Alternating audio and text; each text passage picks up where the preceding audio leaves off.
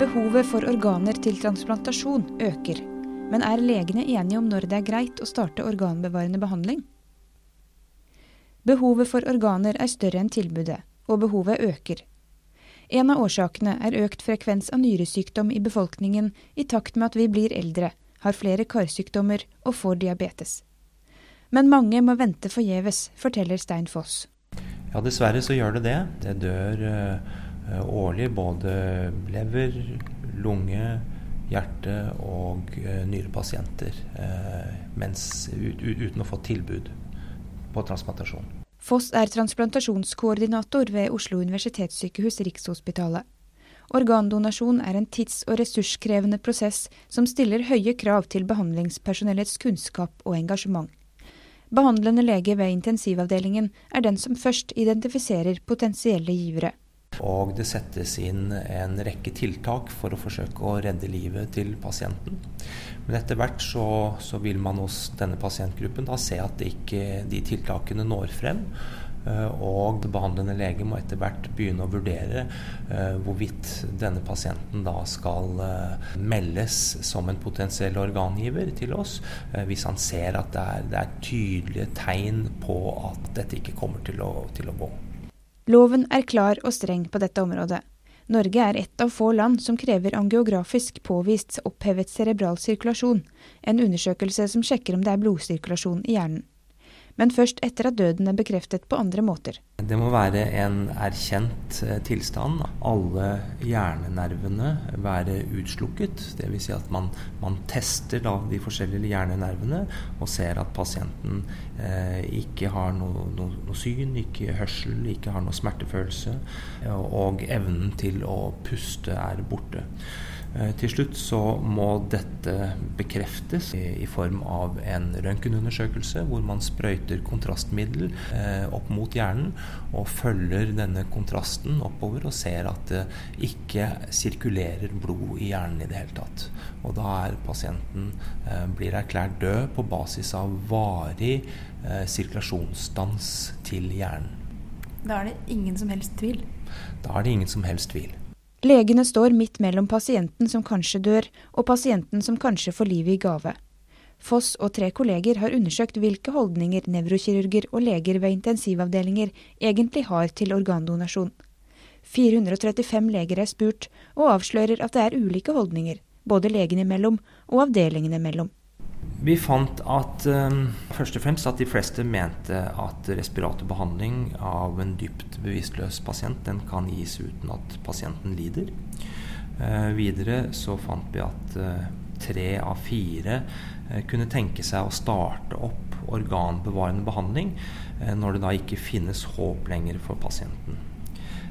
mens én av fire var i tvil om de kunne tenke seg dette.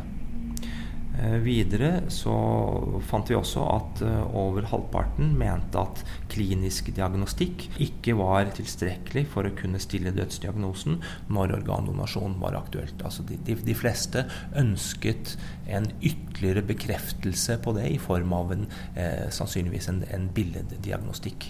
Hva er det mest verdt å legge merke til eh, av funnene dere har gjort? Det at de fleste mener at respiratorbehandling av dyp bevisstløs pasient kan gis uten at pasienten lider, eh, og at eh, de fleste kan tenke seg å starte organbarende behandling når det ikke lenger finnes håp for pasienten, eh, er, er bra etter, etter, vårt syn.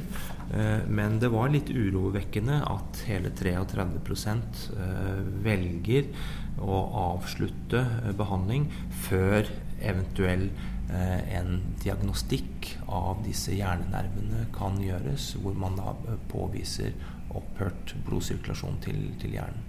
Flere land har høyere donasjonsaktivitet enn Norge. Spania, USA, Portugal og Italia er eksempler på land som har fått dette bedre til enn oss. Hva er det de gjør som ikke vi klarer? Felles for de alle sammen er at de har gått inn med noe midler, og de har prioritert området. De satser på utdanning av helsepersonell. De har interne strukturer, ikke minst, som går på tvers av fagsøylene, eh, og som, som da eh, tar tak i den enkelte pasient der der da, sånn at man sikrer at hver eneste familie til en potensiell organgiver, de blir spurt rapport om organdonasjoner. Og Det er systemer som, som ivaretar dette her, og det er til og med revisjonssystemer av, av selve systemet igjen. I mange land kreves det kun klinisk nevrologisk undersøkelse for å erklære pasienten død. Det har sine fordeler og ulemper. Det har på mange måter vært veldig bra i landet, fordi at vi har vært 100% sikre på at det har vært opphevet blodsirkulasjon til eh, alle eh, donorer. Og man kan med trygghet eh, gå til hver enkelt familie i den enkelte situasjon og si at pasienten lever ikke lenger, hjernen er totalt ødelagt. På den annen side så, så får jo andre land dette til.